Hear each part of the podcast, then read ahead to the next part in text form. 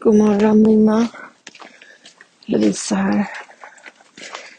Snön har fallit över Stockholm. Det är iskallt.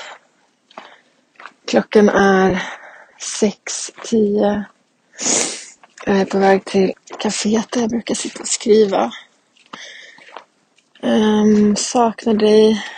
Tråkigt att vi aldrig hinner ses. Um, lycka till idag. Hej då. Hej Lovisa!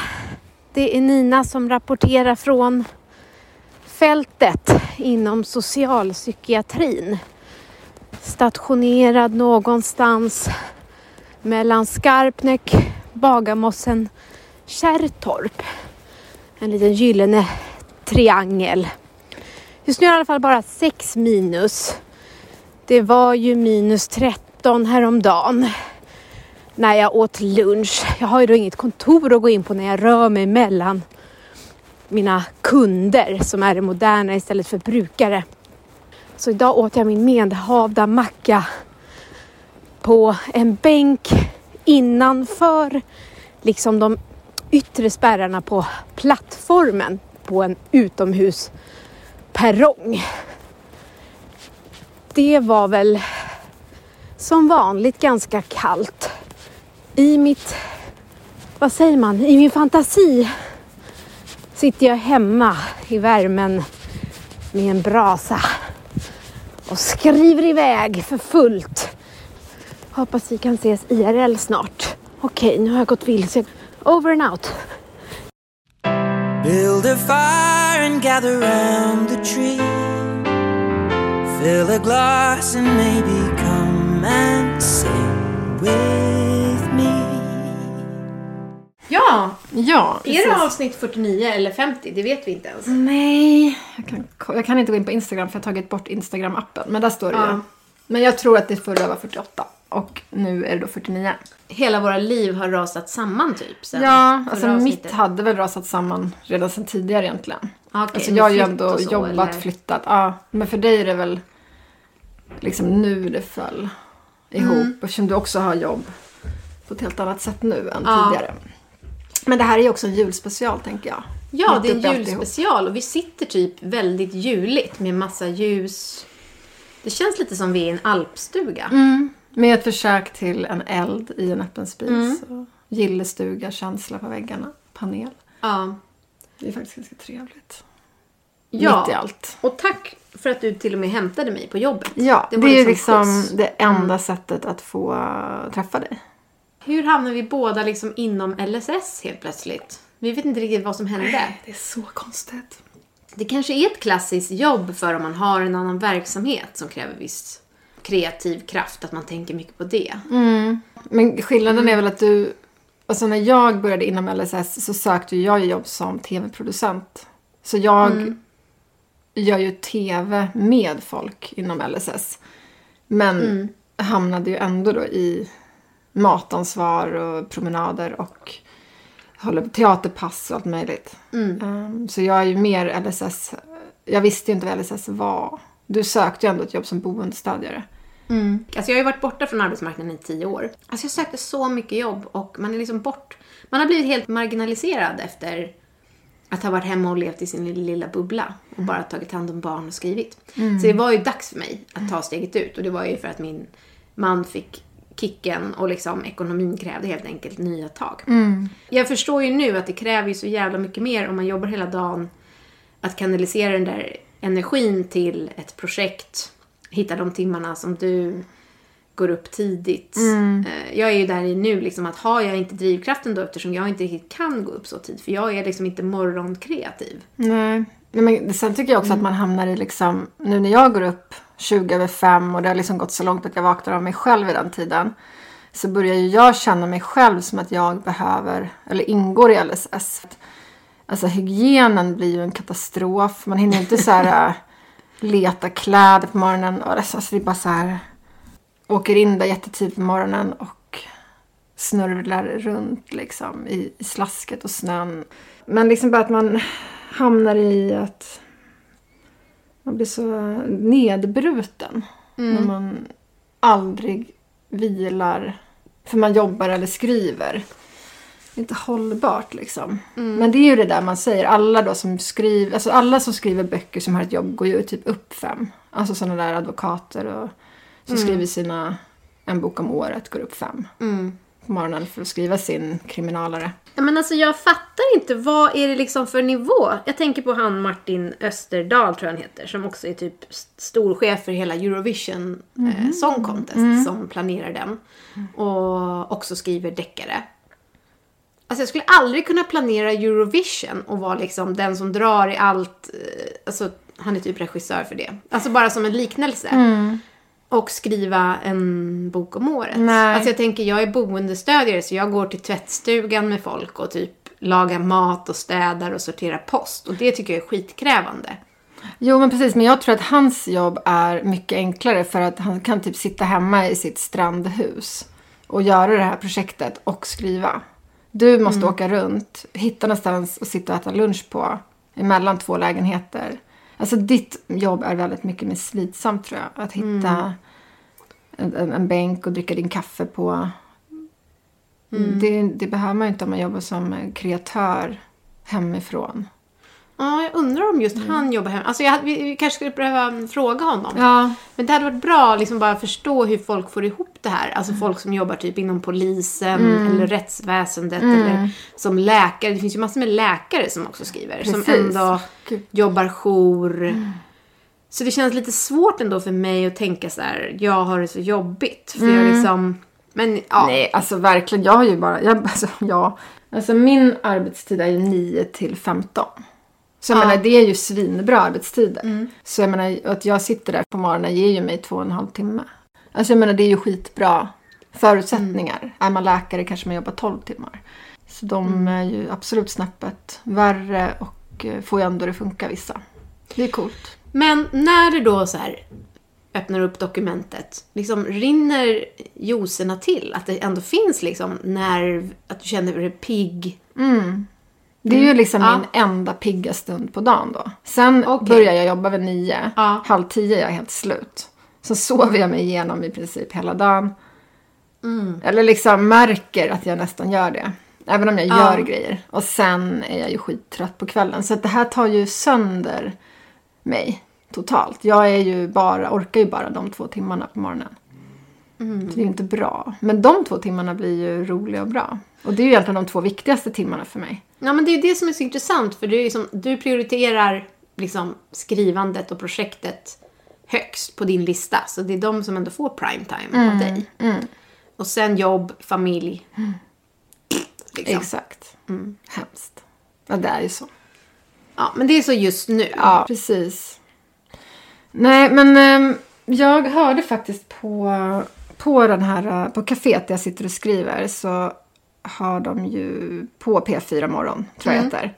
Och då var ju Peter Jöback aktuell. Han mail, de mejlade ju och ville att eventuellt om vi ville intervjua Peter Jöback Ja. för hans nya bok. Ja. Men då hörde jag på, på P4 Morgon att hans hund heter Rocky Regnbågsmula. Aha. Det tyckte jag var gulligt. Ja. Men annars så vet jag inte om han är rätt för oss. Nej, Jag vet inte. nej. Det är roligt att vi är så väldigt liksom, kritiska just nu. Vi har bara så här skitit i alla förslag. Men jag känner också ja. när man går där på morgonen till sitt café i slasket och liksom, vem vill ens träffa en? Det är både ömsesidigt känner jag. Jag tror ingen vill bli intervjuad av oss just nu. Nej men absolut. Och det här på temat att hålla bubblan. Det är ju jättekrävande. Alltså vissa som när vi skulle träffa Fredrik Backman. Liksom jag var stressad i en vecka innan vad jag skulle ha på mig. Och sen hade jag stresspåslag liksom en vecka efter.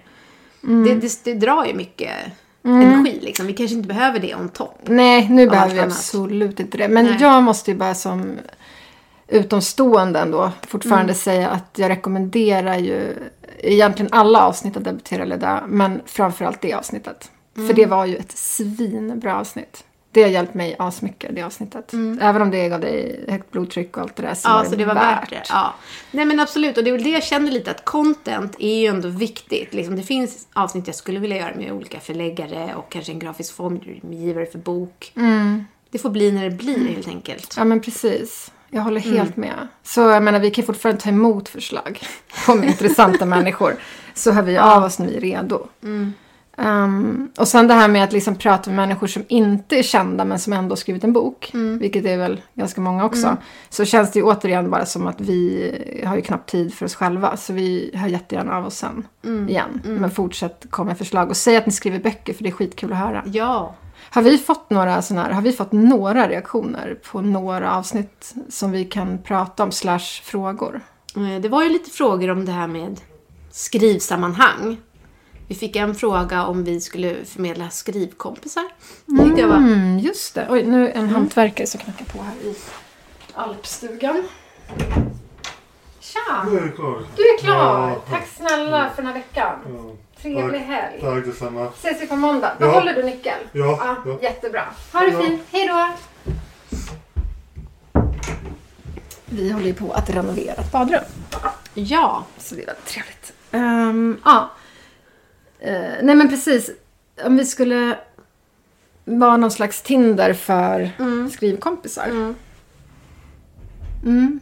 Det känns avancerat. Mm, det är ju svårt kanske att läsa av. Alltså även om projekten kanske verkar ha liksom, anknytningspunkter så kan man ju vara väldigt olika som individer. Ja, nej men vi vet inte riktigt Nej. om den. Nej, det får vi se också om vi kan hitta på något där. Men okej, om vi bara liksom tänker då bubbla. Var är du i din skrivprocess? Eh, ja, men jag fick ju eh, redaktörskommentarer för eh, några dagar sedan. Och det är lite roligt om man pratar om perspektiven i bokbranschen. Att jag blev antagen på den här boken som ska komma ut i april 2022. Den 2 februari 2021, alltså i år. Och jag fick kommentarerna från redaktören den 3 december. Och då var det bara på de första 70 sidorna. Alltså det är ganska långt perspektiv. Alltså, ja, jag har haft arbetsbrist under större delen av året och inte så liksom mycket som har hänt. Och nu är det ändå ganska tajt för att då ska den till tryck 7 mars. Eh, Och idag är det 11 december? 9? tionde. 10 Ja. december.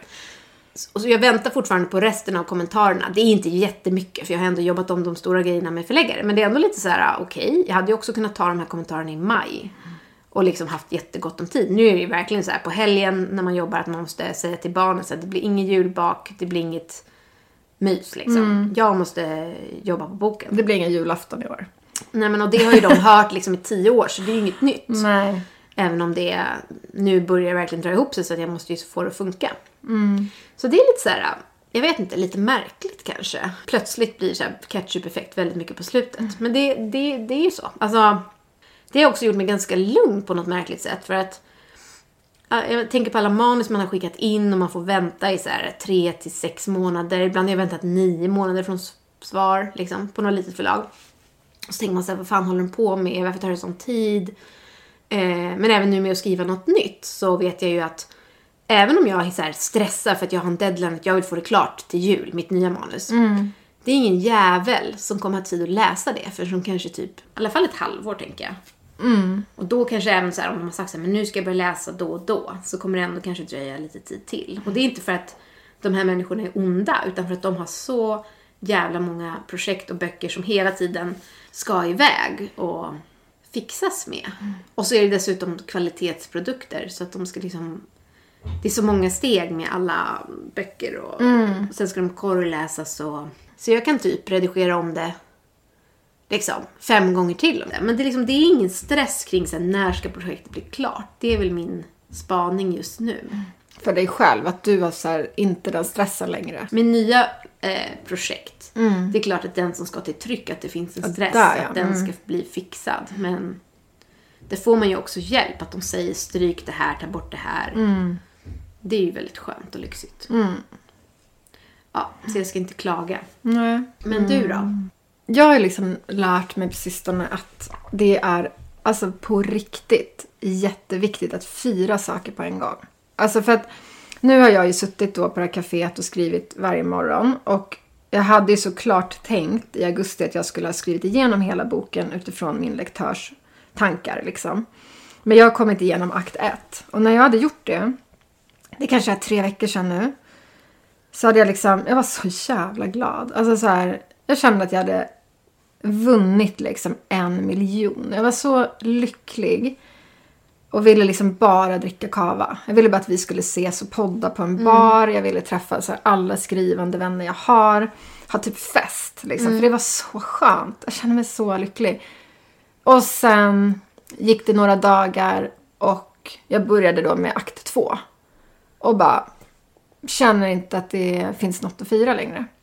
Alltså, Och det tycker jag är jävligt viktigt att göra. För att nu när man sitter med akt två då så ser man återigen problem. Det är massor med saker man ska lösa och bla bla bla. Man kanske inte ens orkar läsa igenom det för man är så jävla trött bara. Va? Alltså så här, man börjar om. Man hamnar direkt i på första steget. Liksom på den här långa spelplanen känns det som. Det finns så här många fällor på vägen. Och så bara börjar man om från ett igen liksom. Med en ny akt. Och det tycker jag...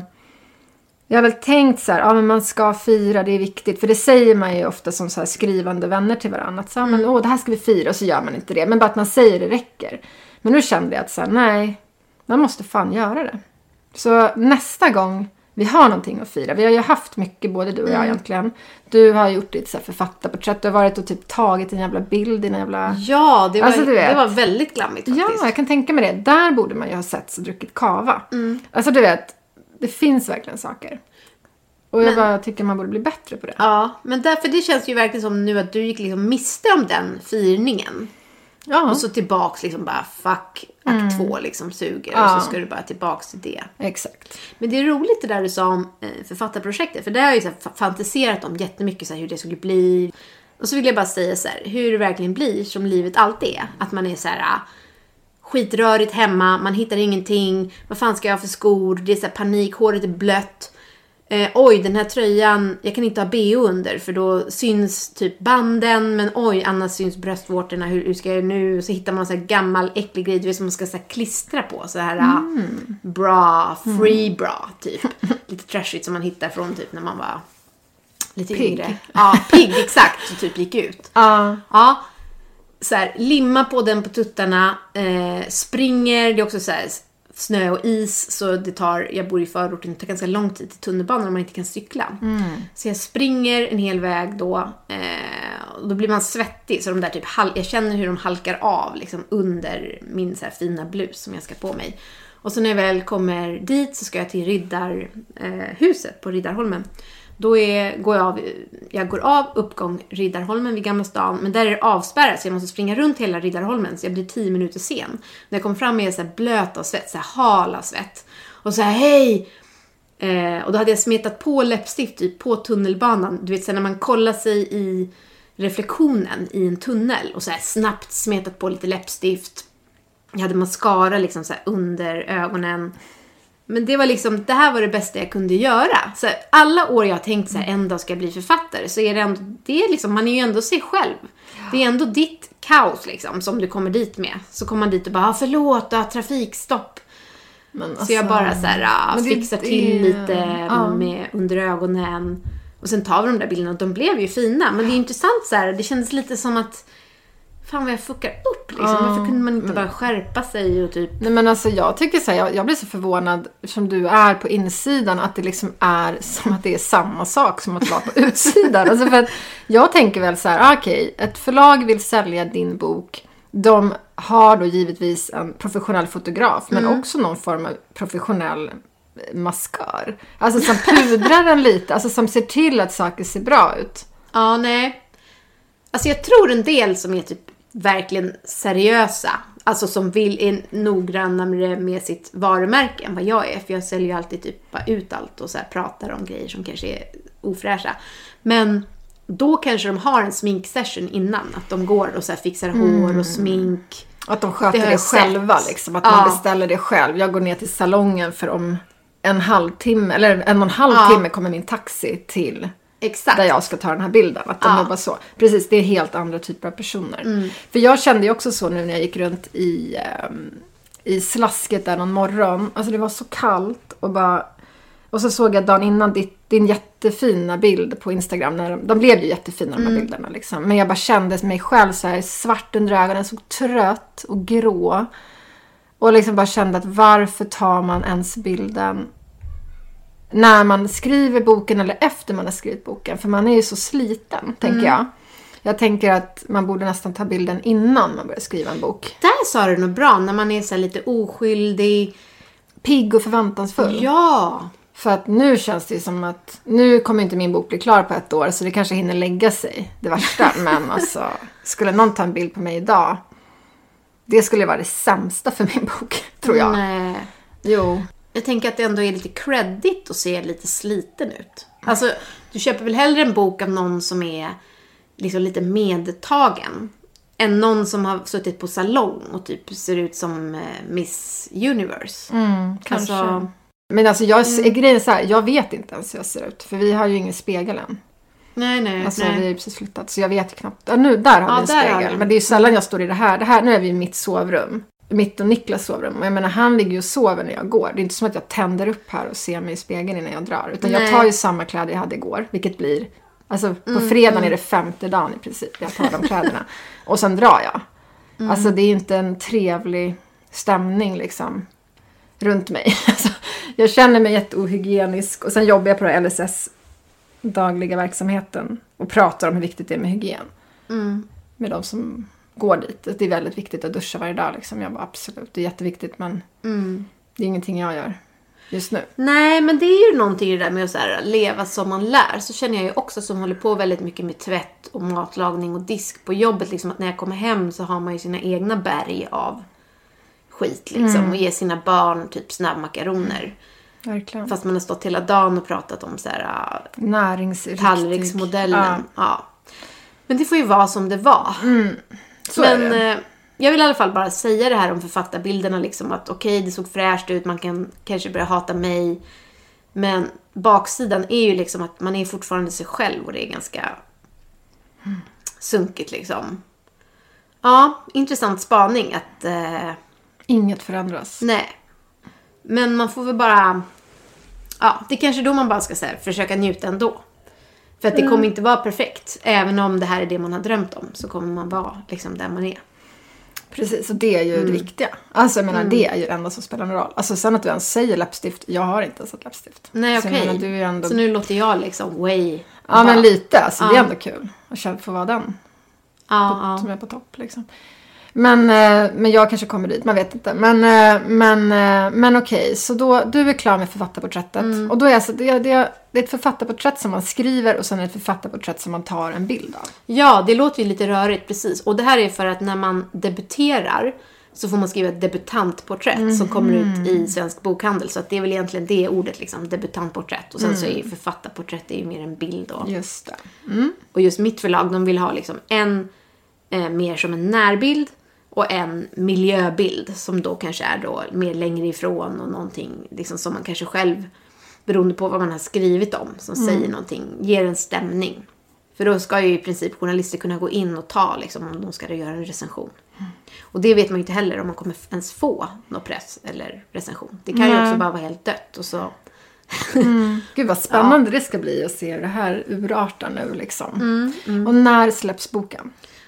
Jag tror att det är den 5 april. Men då borde vi väl fira det. Mm, ja men då får vi fira och det har jag ju tänkt att vi ska försöka ha en debutera eller dö-fest.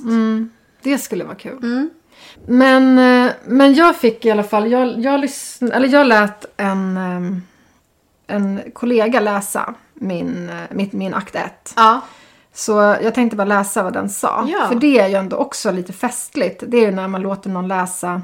Är det här sen- en LSS-kollega? Ja, precis. spännande. Väldigt spännande. Eh, och då, då blir ju det som en liten fest för sig själv då när man får tillbaka kommentarer. Mm. Om de är positiva. Ja. Och det var ju den här. Och det var väldigt mycket, du ser, hjärtan och så dansande figurer här. Så jag, jag läser, Mm. Ja. för jag blev så glad när jag fick det. Ja. Eh, läst akt 1, utropstecken, utropstecken, utropstecken, utropstecken. Det är väldigt mycket utropstecken Mm, här. Grymt. Eh, jag satt och läste allt ihop i ett svep. Det kan jag bara göra om jag tycker något är intressant och fett. Superkul att få läsa. Tack. Jag fick lite samma känsla som när jag såg filmen Darling från 2007. Den som handlar om en Östermalmstjej som i en desperat situation börjar jobba på McDonalds för att kunna betala hyran. Sjukt härligt med en, jaha, vad ska vi göra nu då, historia. Jag tycker det är väldigt, att den är väldigt avslappnad och skön. Rolig vibe i berättelsen. Språket flyter på kanon med bra beskrivningar. Man får bilder i huvudet om, av omgivningarna som ploppar upp direkt utan att det blir för mycket eller för lite av det. Skitbra dialog också. Och sköna karaktärer med fin dynamik mellan varandra. Gillade speciellt kommunpersonerna.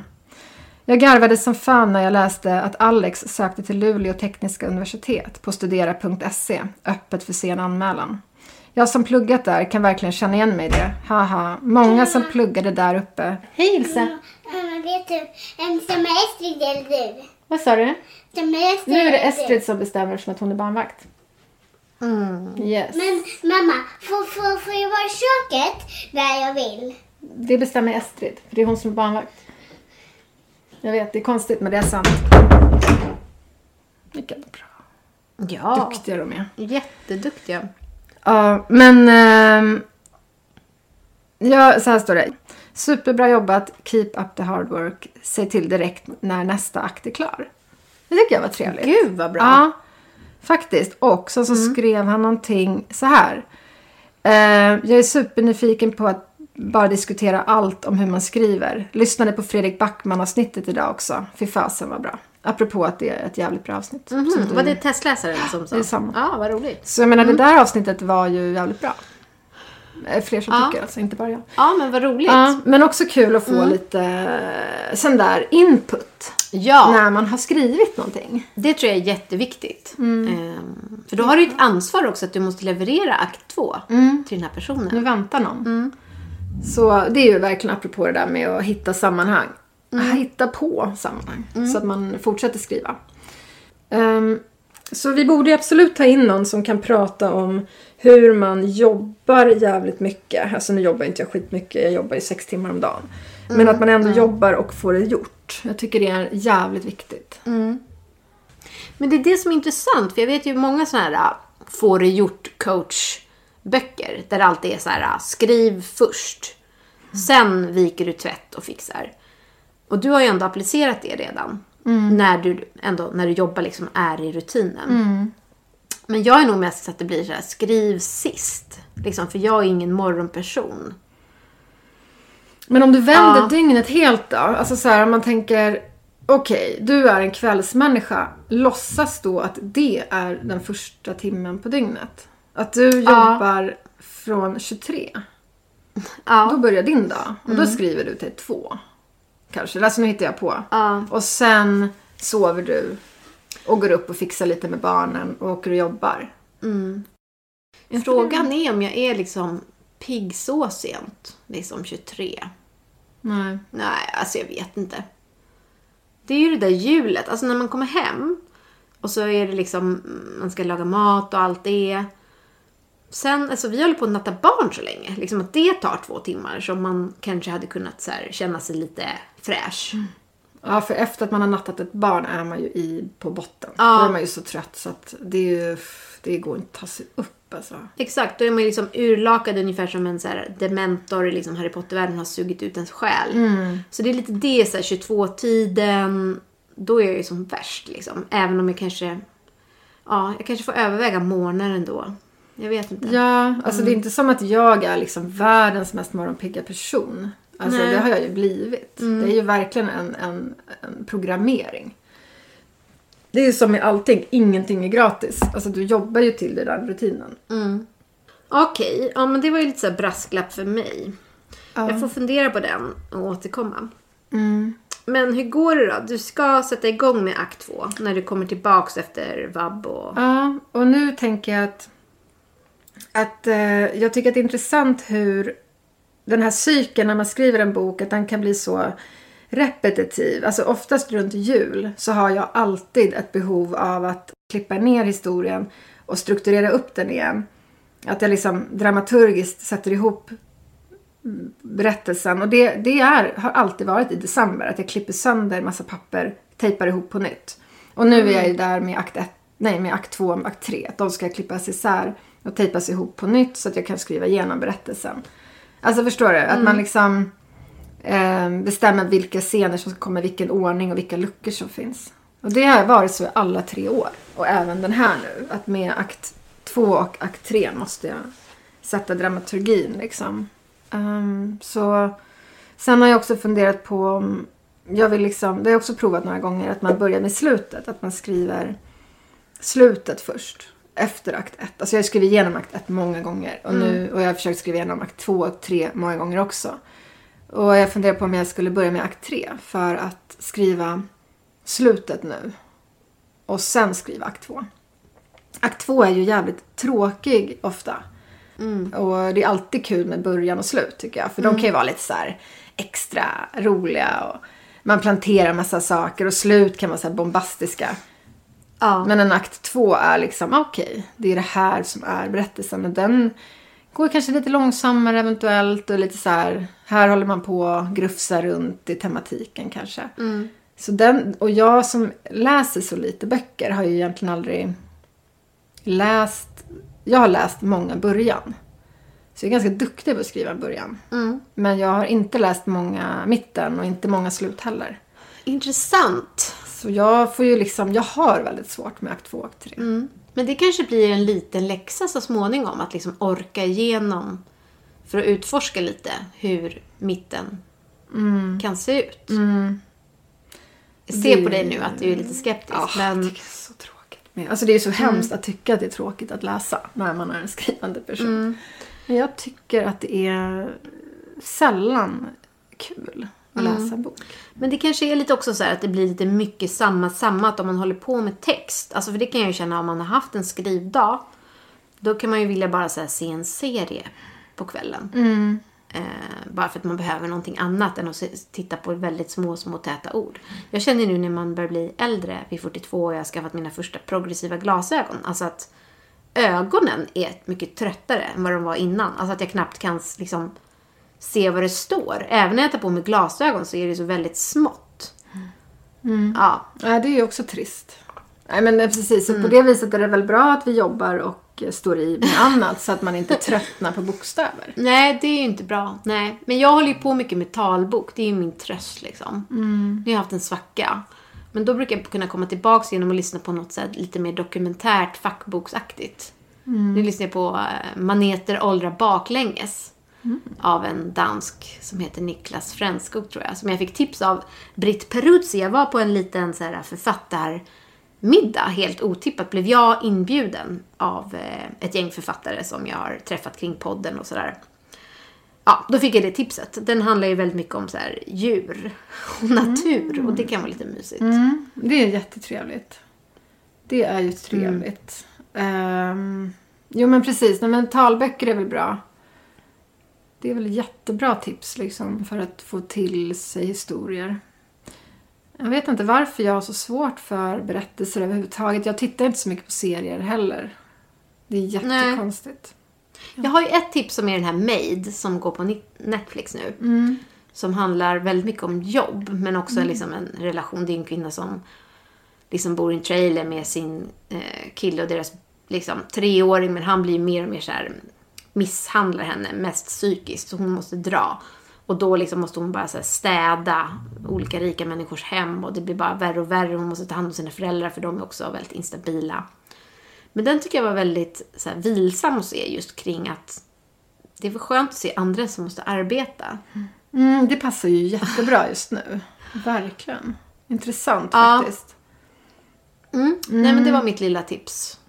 Dagens tips helt enkelt. Mm, Jättebra tips. Ehm, och alltså mina tips är väl typ, alltså jag, jag ser inte så mycket film och tv så, men när jag gör det så ser jag ofta saker jag redan har sett. Typ uh, Handsmaid Tale har jag kanske sett 200 gånger. Ja, jättebra också. Ja, men eh, att ta till sig nya saker tycker jag är svårt. Men då kan jag ju testa den du tipsar om nu. Ja. För det är kul med något nytt. Det är bara att det är så jävla långsam. Ehm, Nej, jag fattar. Jag Ja. fattar. Men det är intressant för det var väl om jag ska säga någonting om vad jag tyckte om för böcker i de absolut första avsnitten av den här podden så sa ju jag Kännarinans berättelse som då blev Handmaid's Tale på TV. Alltså jag hade ju läst boken då långt innan och då är det den bästa boken jag någonsin hade läst typ. Och den har ju också väldigt intressant språk. Alltså hon använder väldigt mycket så här kommateringar. Liksom i en mening så är det så här, hon kan lägga in väldigt många komman. Och det kan vara väldigt intressant liksom på ton och så här stilistik. Hur man kan uttrycka sig konstnärligt. Men det är det jag tänker att man helt förlorar i talböcker. Alltså, Och det är nog Absolut. därför jag inte lyssnar på talböcker. För jag känner att men då är hela mediet försvunnet. Det är ju inte såklart. Men alltså för mig är det som att läsa en bok är också texten. Alltså orden på papper är halva grejen. Alltså som du säger, alltså kommatering och bla bla bla. liksom, Hur man uttrycker sig. Det är ju, men jag är ju på sån låg nivå att jag vet inte. Alltså när jag började skriva så skrev jag så här utropstecken hela tiden. För att jag trodde att det var ett sätt att understryka någonting. Men när man sen tittar lite på så här vuxenböcker så är det ganska sällan det är det. Alltså, så att för dig som har någon slags grundförståelse för hur en bok ser ut rent bildligt. Så här, så här ser text ut. Så här mycket använder man utropstecken. Behöver kanske inte titta på böckerna som du lyssnar på. För mig är det ganska viktigt tror jag att se texten för att se hur man skriver överhuvudtaget. Ja, jo men det tror jag absolut om man ska liksom bör, börja. Att det är nog bra. Men en sak, jag har en spaning där. Utropstecken tror jag är på väg tillbaka. Alltså att det var fult. Liksom. Och nu så har man börjat luckra upp det där mer. Jag tänker på Elin Kulle som vann faktiskt Augustpriset ju för Eufori. Som var med i eh, avsnitt 46 tror jag det var. Och hon eh, sa ju det liksom att man ska våga använda utropstecken och inte vara så rädd för att vara lågmäld och liksom tona ner utan att man kan ibland också bara dra på volymen. Sen är det klart om man bara har så tre utropstecken typ i alla meningar då blir det ju för mycket. Ja, Men jag tror också att det kan vara liksom en stil. Ja, nej, men precis. Nej men okej, så kul med lite tips ehm, på böcker och grejer. Ja, Men det är min spaning annars när man har fått då redaktörskommentarer änt- äntligen av liksom en professionell redaktör som ska förbättra och förfina. Att det mesta hon vill ta bort, det är ju så grejer jag har suttit och så snidat på hur länge som helst, som jag älskar. Alltså verkligen så här darlings, hur jag tycker att jag har så skulpterat fram någonting, liksom, med några meningar eller någon symbolik som hon bara, ja ah, fast det här stökar bara till och ingen fattar. Okej, bort. det är ju jättekonstigt att en person ska avgöra det. Mm. Hur känner du när du då tar bort det, om du nu tar bort det? Nej, men jag har gjort det nu i flera steg. Först liksom förläggaren. Så här, alla de här litterära referenserna tycker jag du ska ta bort. För jag har väl varit så att jag har... Jag bollar in massa saker, massa referenser. Även populärkultur och böcker liksom. Och då har jag rensat massa det. Så nu är jag så van vid att det de kommer säga till mig det är framförallt rensa. Typ som man går in i ett rum och bara ah, det ligger massa skräp där, ta bort det och liksom. Det blir för mycket för att ta in rummet om du har grejer överallt. Lite som så här homestyling. Ja, men exakt. De, Det känns som de homestylar. Men när jag tänker på det, liksom, att alla timmar jag har lagt på boken så är det ju väldigt mycket av det har jag suttit och bara så här, äh, klurat på perfekta ja, teman och formuleringar som, som man sen tar bort. Men var det inte också din förläggare som sa att allt i en bok ska man inte förstå? Ja, exakt. Men då får man välja några grejer. Du kan inte ha allt. Till mig så sa hon sist nu, redaktören, eh, se upp så att det inte blir en trädöverdos. För typ jag har massa träd med. Alltså att karaktären så här observerar träd. Liksom om det är lindar eller kastanjer eller blommande körsbärsträd. Att hon menar liksom att det blir för mycket körsbärsknoppar. Hon sa typ så här, se upp med knoppar, kanariefåglar och bickpennor. Typ sådana saker. Att det var så här, det återkom för mycket. Då, då ska man liksom ta bort att det blir för... Ibland drar det så här ett varv för mycket liksom. Okej. Ja. Men spaning kring det där, att ibland kan man ju sitta och slita häcken av sig och känna liksom så här, gud jag har lagt mycket tid bara på en sida som man bara håller på och håller på och håller på.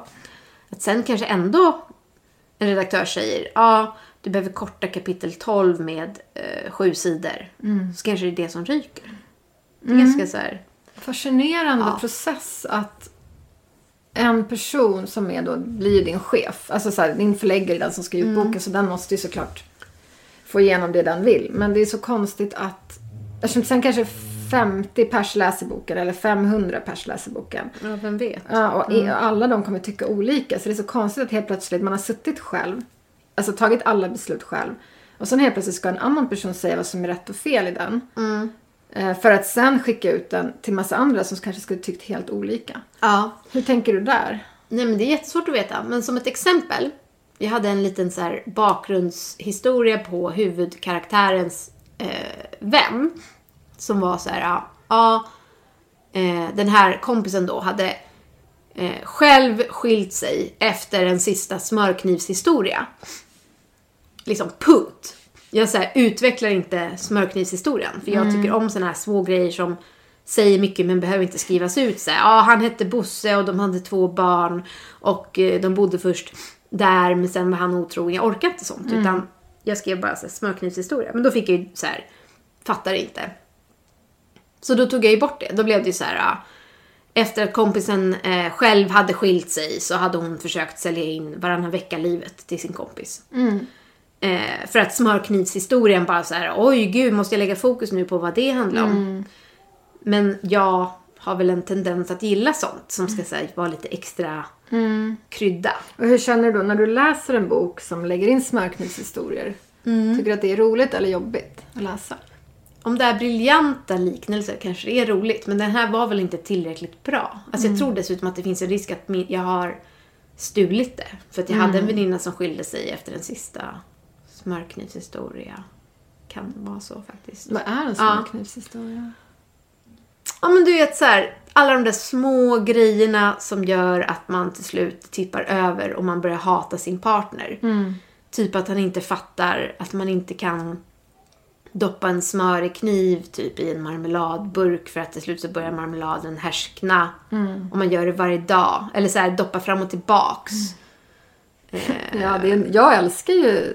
Jag gillade ju den bilden. Men jag vet inte om jag gjorde, skulle gjort det i sammanhanget som du Nej. med din bok. Men det är ju en rolig grej för man fattar ju att det handlar om en detalj som är helt troligtvis inte betyder så mycket men som betydde allt för dem. Ja. Det är ganska kul. Men precis, i det läget var det inte det tyckte din förläggare. Nej, men det verkar Handläggare. vara... Handläggare, precis. Men det verkar vara liksom mycket så här... Uh, tajta upp, som är redaktörens uppdrag. För att om du som läsare lägger för mycket fokus på massa detaljer så kan du liksom inte ta in kanske det som är viktigt. Så det är väl kan, det. kan du ge tips då på...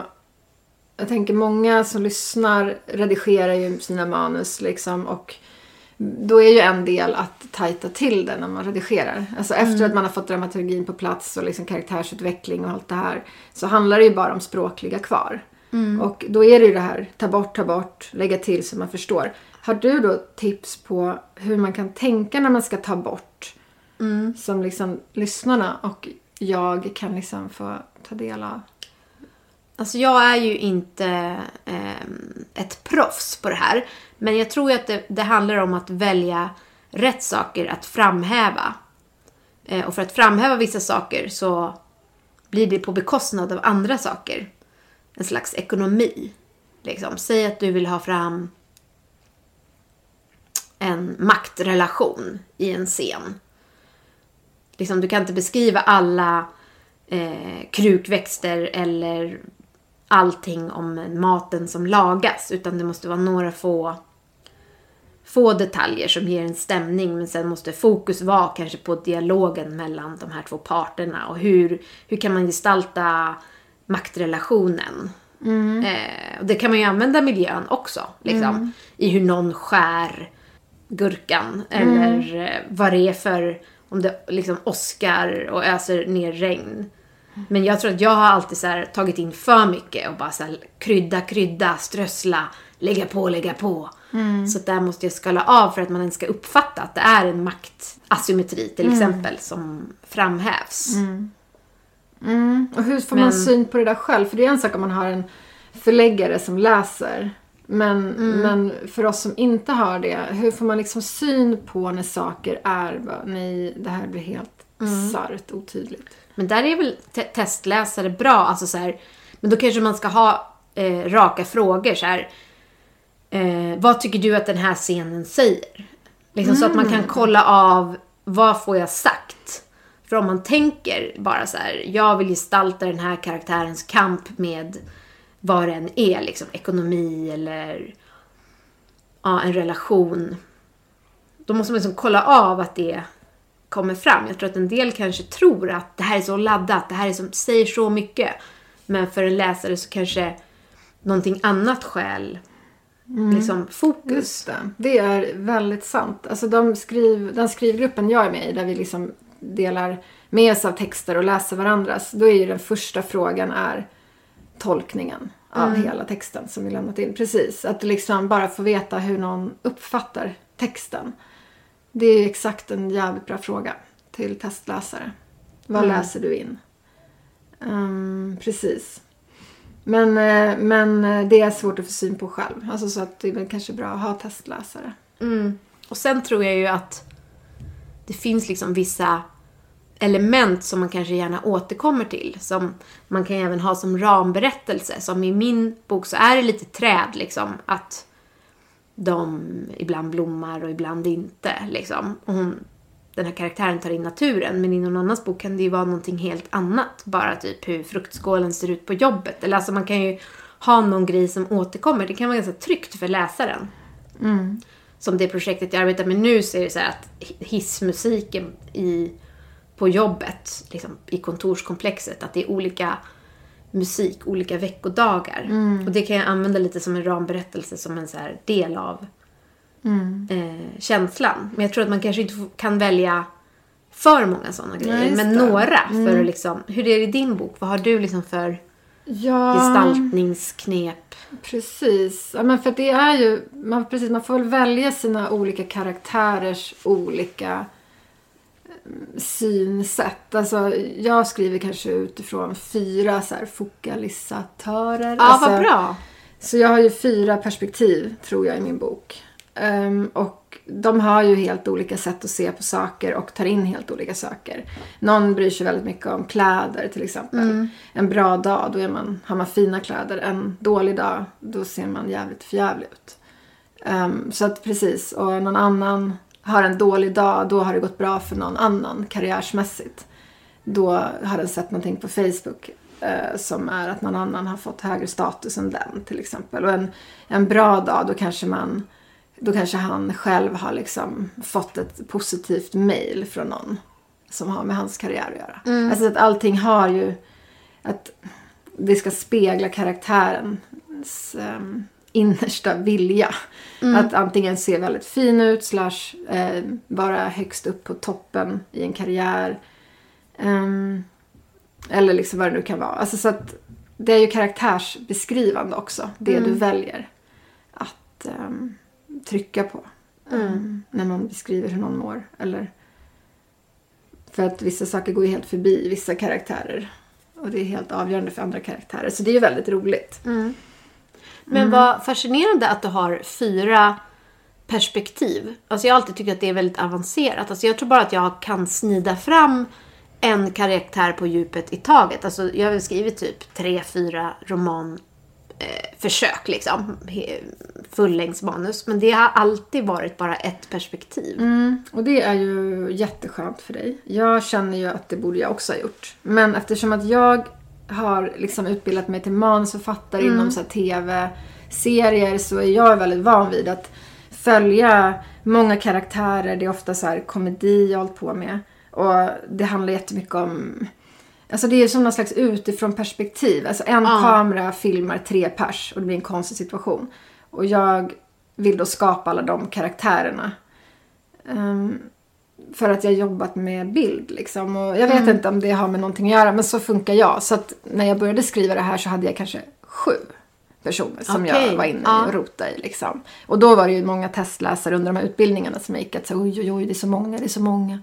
Så nu har jag liksom gått ner till fyra. Okej. Och det är kanske fortfarande liksom för många men det är för mycket kul. Alltså så jag vill inte missa deras olika sätt att se på samma situation. För det är det som är komedin tycker jag. Att man går in i ett rum och så ser man den på helt olika sätt på den här situationen. Jag tycker det är så kul. Och grotta i det liksom. Men då blir det ju också så här ganska korta perspektiv.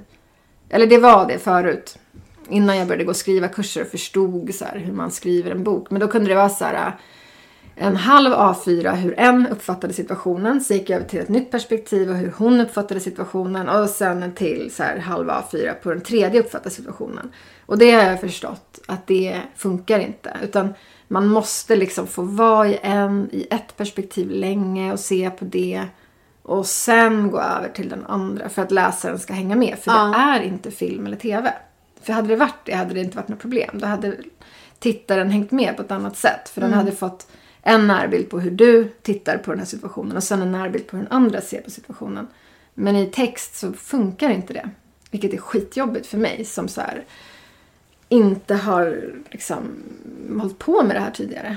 Man får så mycket gratis med bild. Det är så här, tycker jag, reaktioner och...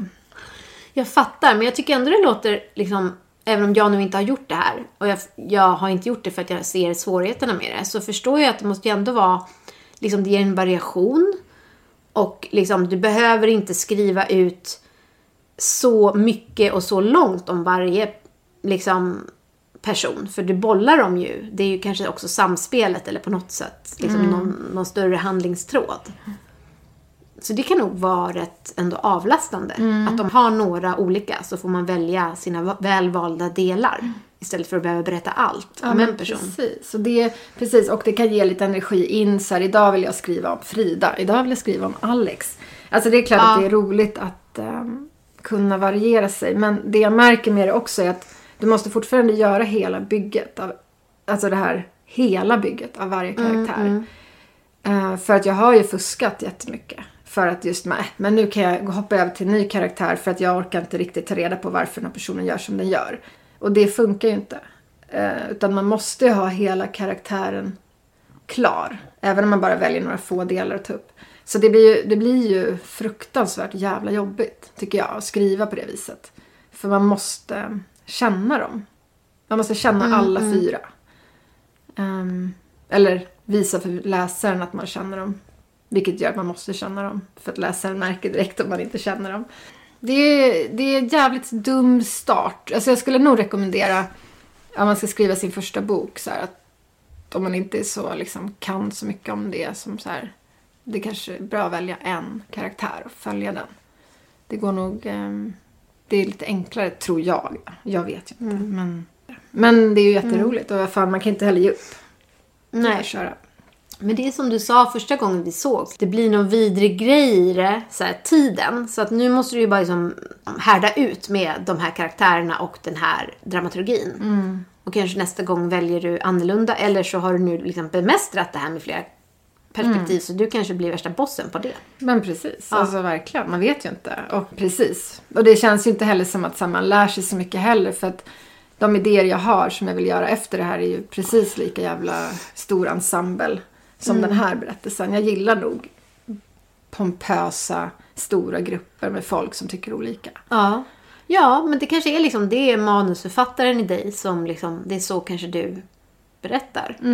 Och då är väl det bra liksom, du ska ju ta, till, ta tillvara det som ändå är en styrka. Liksom hur du kan se på karaktärerna i ditt dockhus. Ja, precis. För det är ju exakt det det är. Vi har ju våra små dockhus. Och det är så jävla kul.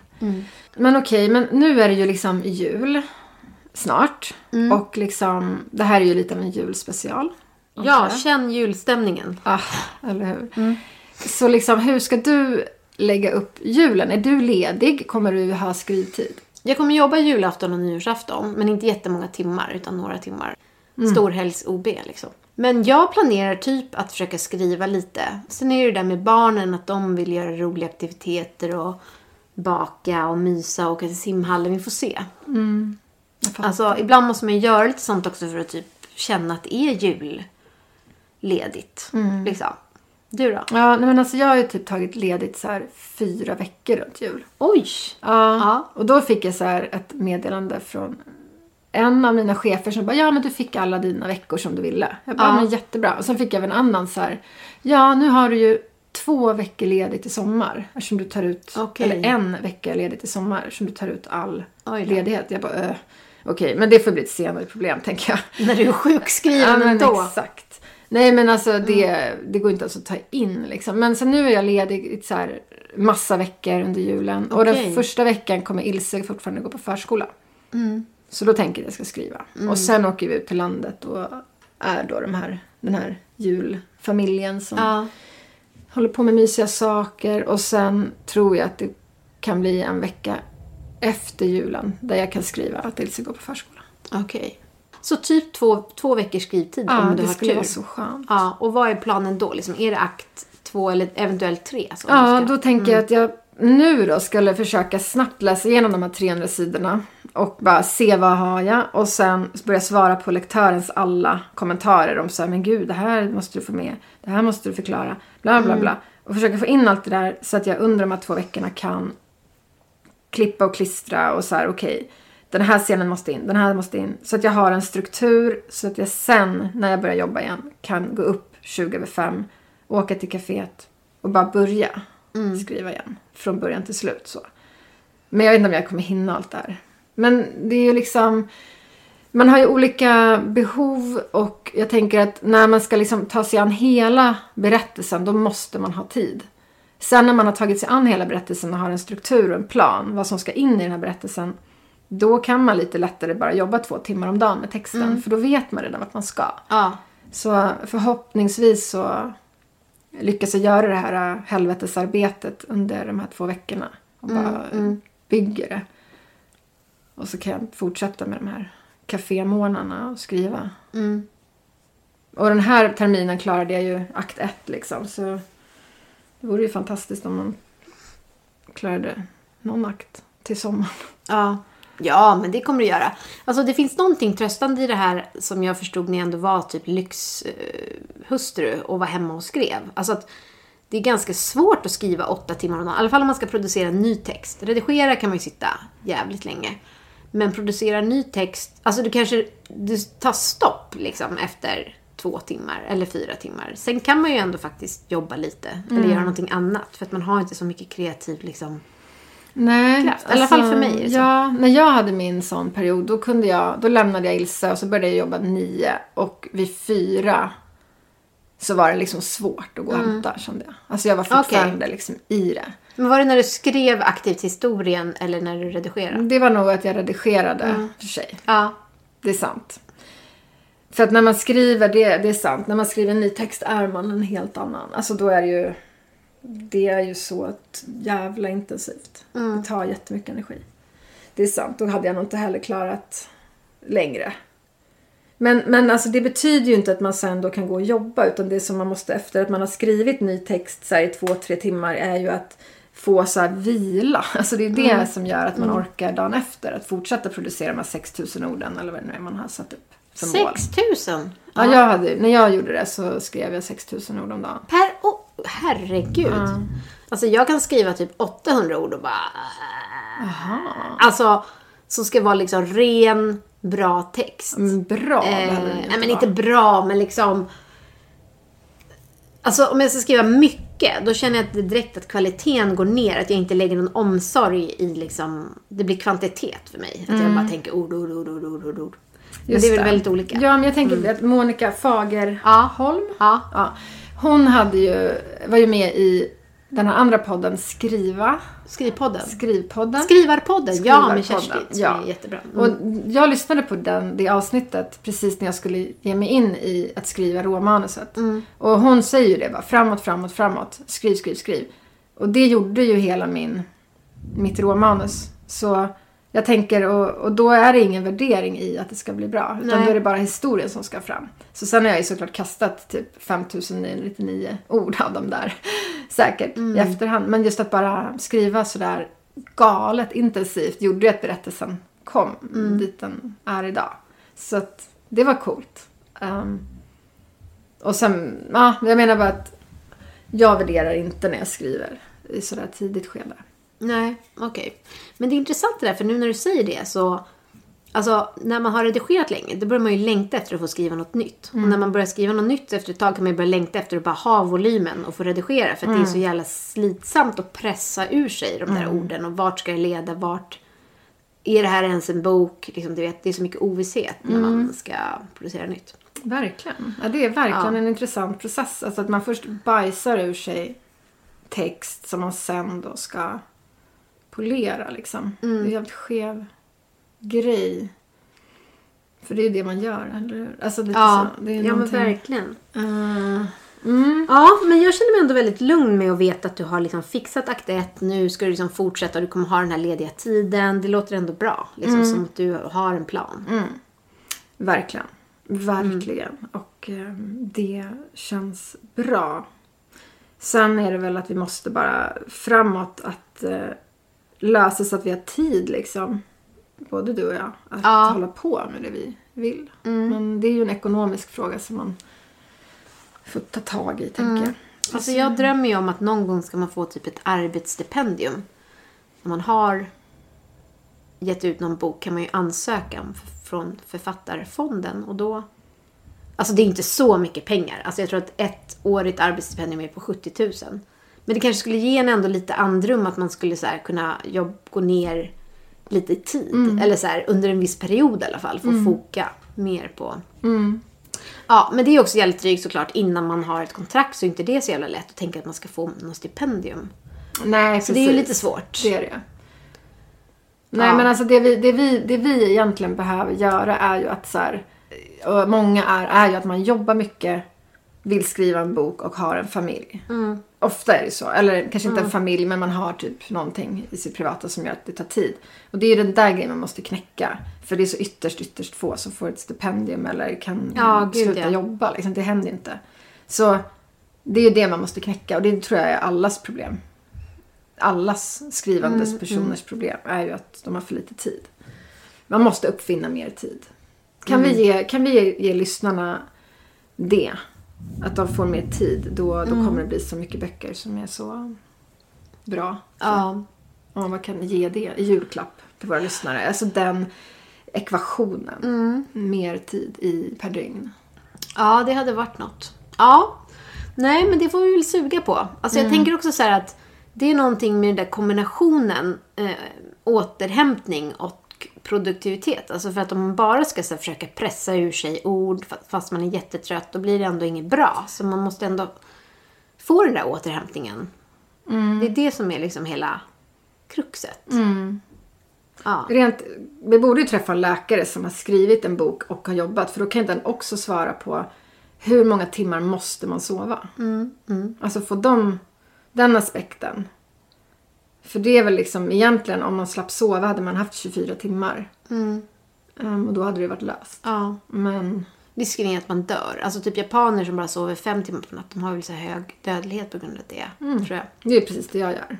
Det Okej. är kul. Ja, nej men det låter inte bra. Lovisa. Alltså Nej. inte fem timmar tror jag inte. Precis. Eller vem vet, det finns ju människor som behöver sova väldigt lite. Jag är inte en av dem tyvärr. Nej. Nej, det ser man ju på mitt eh, kommande författarporträtt. Att jag Mm. hade behövt fler sovtimmar. Alltså med, som jag, de här ringarna under ögonen. Alltså det är nej, inte är någonting man ska ha. Eh, Men, ehm, nej. Men vi kanske kan försöka ge en, ehm, en ekvation på jobb, skriva och privatliv fram igenom då till Mm. lyssnarna. Om vi träffar någon, någon magiker Ja. som har lyckats med det. Ja, ska men exakt. Ja, det är liksom på frågelistan. Det är nästan viktigare Mm. än att träffa någon kändis som har skrivit en bok. Ja, och om det är någon liksom som vet någonting om det här. Mm. Eh, Hållbart konstnärskap. exakt. Typ tallriksmodellen fast liksom inom kreativt liv. Jobb, eh, liksom. Ah, eh, skrivtid, sömn. Mm. Man hade ju velat ha så här 70 skrivtid. Och sen Precis. 15 jobb, 15 sömn. Nu har jag inte ens räknat in familj. Nej, för det är så exakt. man är liksom. Det Ja. skiter man i. Det är fruktansvärt. Ja, men jag känner att vi måste avsluta på topp Jättebra. nu. Mm. Men då har vi det som eh, nästa grej då. Att få fram en, en eh, tallriksmodell för konstnärskap som ska vara hållbart. Mm. Och med de orden får vi väl liksom önska oss själva och er alla liksom en riktigt god eh, liksom, skriv jul och nyår. I den mån det blir av. Ja, precis. Det önskar vi er alla. Så god jul och Ja. gott nytt år. Ho, ho, ho. Ho, ho.